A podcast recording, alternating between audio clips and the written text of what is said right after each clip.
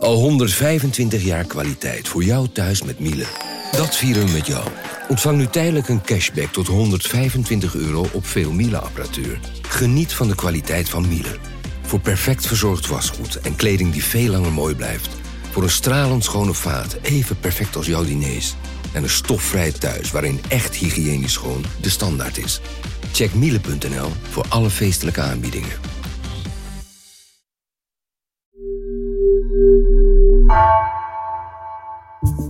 Vanaf de redactie van NRC het verhaal van vandaag. Mijn naam is Misha Melita.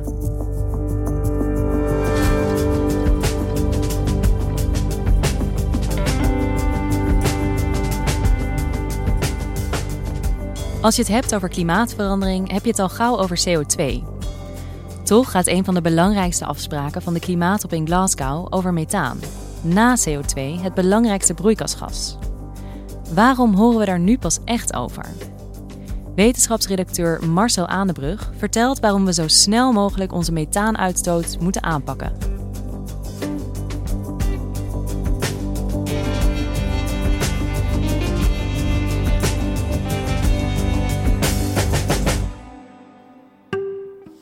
What a pleasure to be here with you, Excellencies, distinguished guests, my fellow leaders, ladies and gentlemen.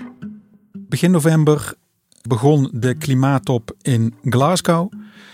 En daar zijn in de eerste week meteen een paar belangrijke afspraken gemaakt.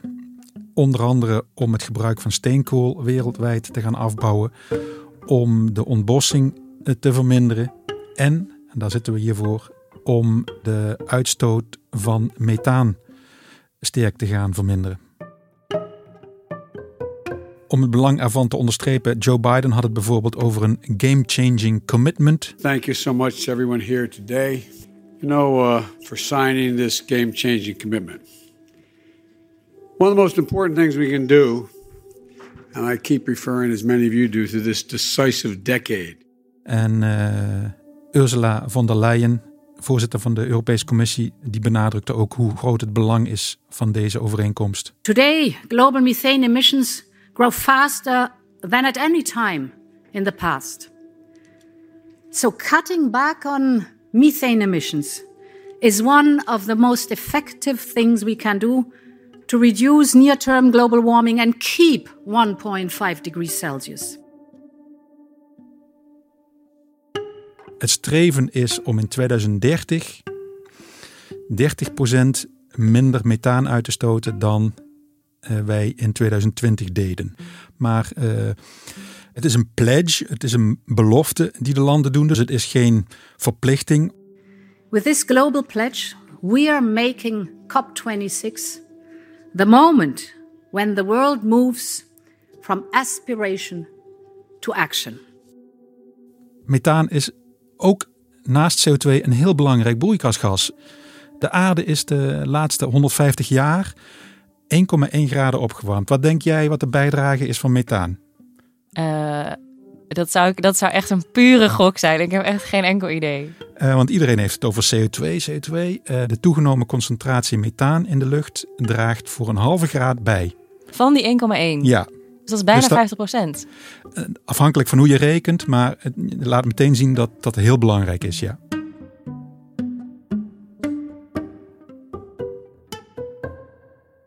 Het lijkt me dus een heel goed idee om uh, minder uh, methaan uh, te gaan uitstoten als we het hebben over het broeikaseffect. Maar ja, ik moet dus eigenlijk bij de opwarming van de aarde altijd aan CO2 denken. Ik wist eigenlijk niet dat methaan daar zo'n grote rol in had. En om eerlijk te zijn, weet ik ook niet echt wat methaan nou is. En mijn eerste associatie is koeienscheten. Is dat gek? Koeienscheten, mensenscheten. Ja, daar, daar zit methaan in. Dat klopt. Het is een uh, reukloos, maar wel brandbaar gas. En uh, kijk, methaan is gewoon een natuurlijk molecuul. Als bepaalde bacteriën in de grond organisch materiaal afbreken, en dat gebeurt al uh, honderden miljoenen, miljarden jaren, dan komt daar methaan bij vrij.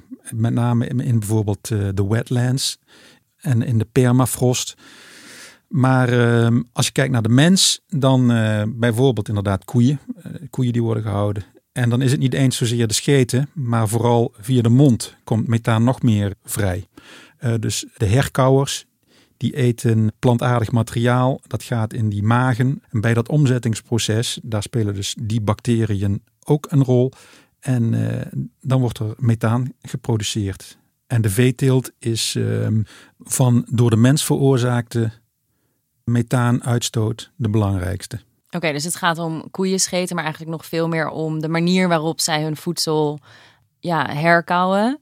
Koeien Waardoor boeren, is, ja. ja, zij boeren, maar niet alleen koeien doen dit. Uh, alle herkauwers, schapen, geiten. Ja.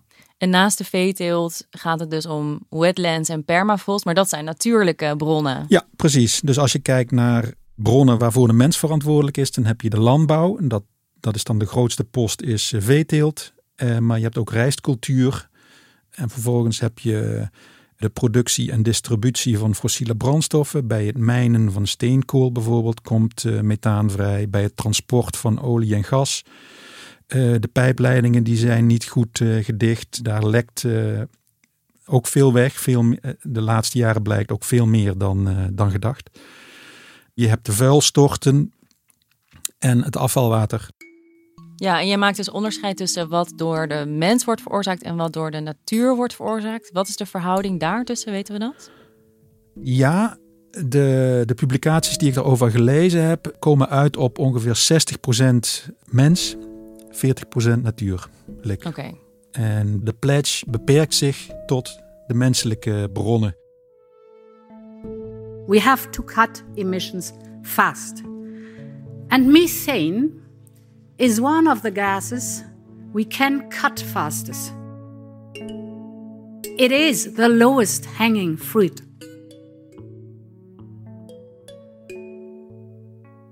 Oké, dus uh, er zijn eigenlijk heel veel bronnen uh, van methaanuitstoot. En er zijn uh, plannen om dat te reduceren. En ik heb eigenlijk al gehoord waar we mee aan de slag moeten. Minder veeteelt. De industrie moet zijn ehm, uh, zijn apparatuur iets meer op orde krijgen, zodat het methaan niet weglekt. Nou, volgens mij kunnen we aan de slag. Ja, dat is ook de bedoeling van von der Leyen en Biden. Want von der Leyen heeft het bijvoorbeeld over laaghangend fruit. En uh, zij doelt daarmee uh, op de olie- en gasindustrie. Die moet dus beter gaan controleren of en waar er lekkages zijn. En moeten die lekkages dichten. Je kunt daar het gas je kunt het laten ontsnappen naar de lucht, maar je kunt het ook afvangen en dan kun je het uh, gebruiken. Dan gebruik je het gas dus efficiënter. Ja, precies. Dan kunnen we het gewoon gebruiken om onze huizen te verwarmen en te koken. Ja, je kunt ook denken aan het aanpakken van de veeteelt, omdat dat zo'n grote bron is. Eh, daar wordt bijvoorbeeld gekeken naar kunnen we het voer aanpassen. En dat blijkt inderdaad te kunnen. En daarmee kun je dus de uitstoot ook flink terugbrengen. Maar uh, mest, daar uh, komt ook methaan uit vrij. Je, zou kunnen kijken, kunnen we het mest sneller verwerken? Ik hoor allemaal hele goede ideeën om minder methaan te gaan uitstoten. En het lijkt uh, een heel effectief middel om de opwarming van de aarde tegen te gaan. Toch vind ik het nog steeds opvallend dat we het nu pas hebben over methaan. Hoe kan dat? Ja, de aandacht was natuurlijk uh, vooral gericht op CO2, omdat dat de grootste bijdrage aan de opwarming is. Maar een andere groep die ook al eerder in beeld is gekomen zijn de CFK's. Op een gegeven moment werd daar duidelijk van dat die uh, een belangrijke rol spelen bij het ozongat. Oh ja, dit is echt uh, iets is... uit mijn jeugd volgens mij, met spuitbussen en koelkasten. Ja, precies. Maar ze hebben dus ook een opwarmend effect. En het is een industrieel proces, dus je zegt tegen de chemische industrie, je moet uh, daarmee stoppen om bepaalde CFK's uh, uh, te produceren en ga daar maar alternatieven voor zoeken. En dat is nou ja, relatief makkelijk, omdat je een paar industrieën kunt aanwijzen. Maar bij methaan en ook bij CO2 is dat veel lastiger, omdat die zo verweven zijn met onze dagelijkse manier van leven, dat die ook veel moeilijker aan te pakken zijn. Ja, dus in die zin, als je die drie broeikasgassen hebt, uh, CFK, CO2 en methaan, was CFK eigenlijk het makkelijkst om aan te pakken, want het was gewoon heel duidelijk, daar komt het vrij. Ja. En is methaan dan nog ingewikkelder dan CO2? Um, methaan is ingewikkelder in die zin dat de zogenaamde boekhouding veel uh, moeilijker sluitend te krijgen is. Je kunt van één koe in een laboratorium wel meten hoeveel methaan die in een week uitstoot. Maar vervolgens eh, gaat hij in de stal, gaat hij naar buiten. Hij eet gras of hij eet ander voer. Uh, zij eet ander voer.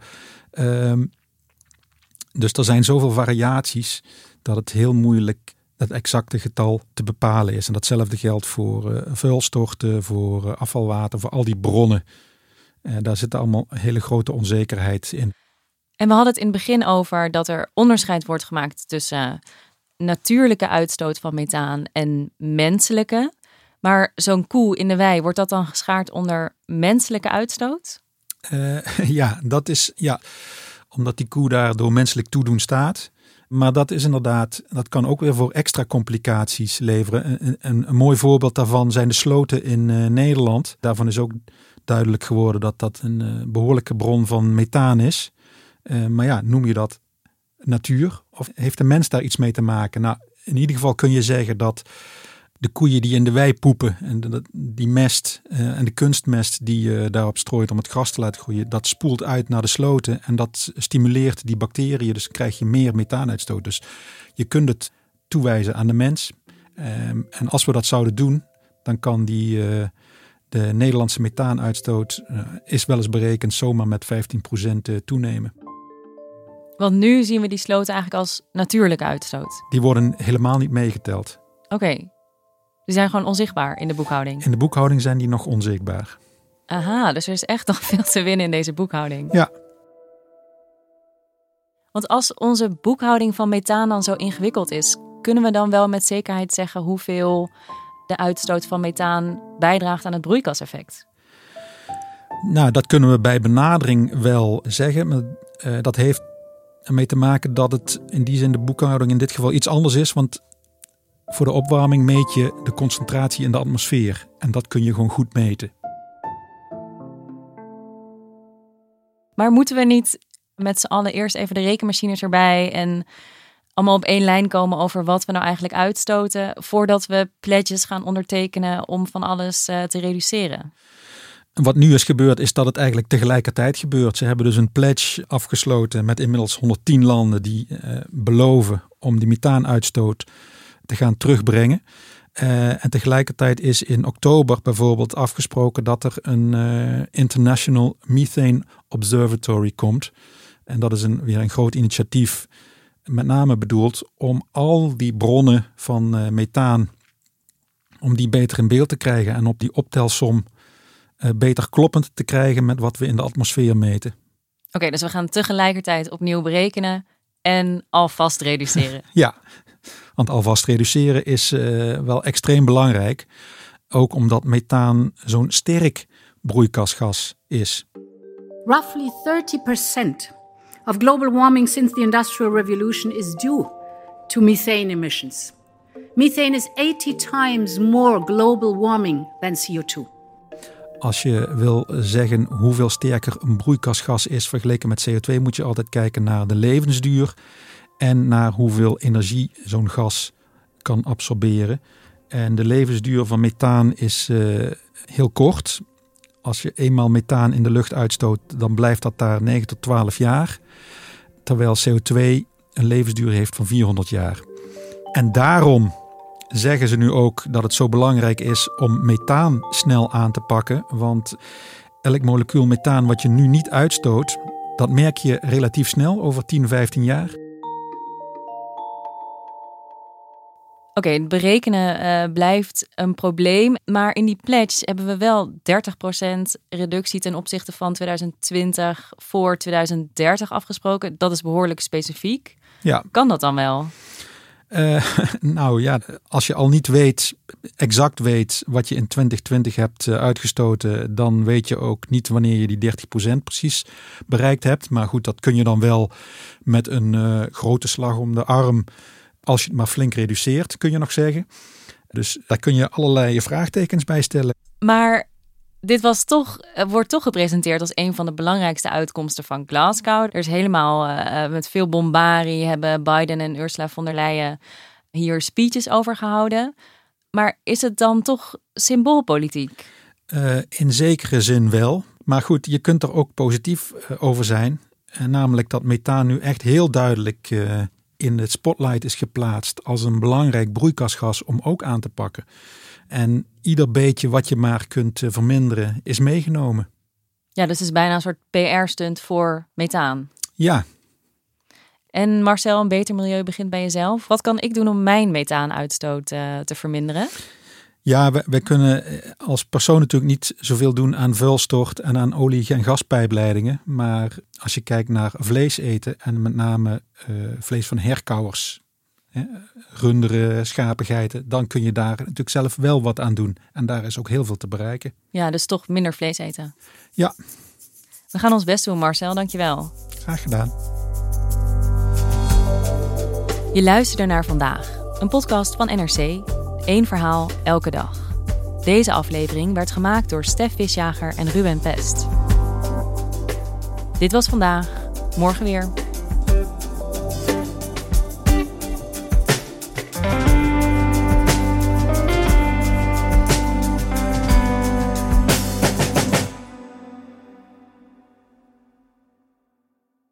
Technologie lijkt tegenwoordig het antwoord op iedere uitdaging. Bij PwC zien we dit anders. Als we de potentie van technologie willen benutten, kunnen we niet zonder een menselijk perspectief. Human-led, tech-powered noemen we dat. Ga naar pwc.nl.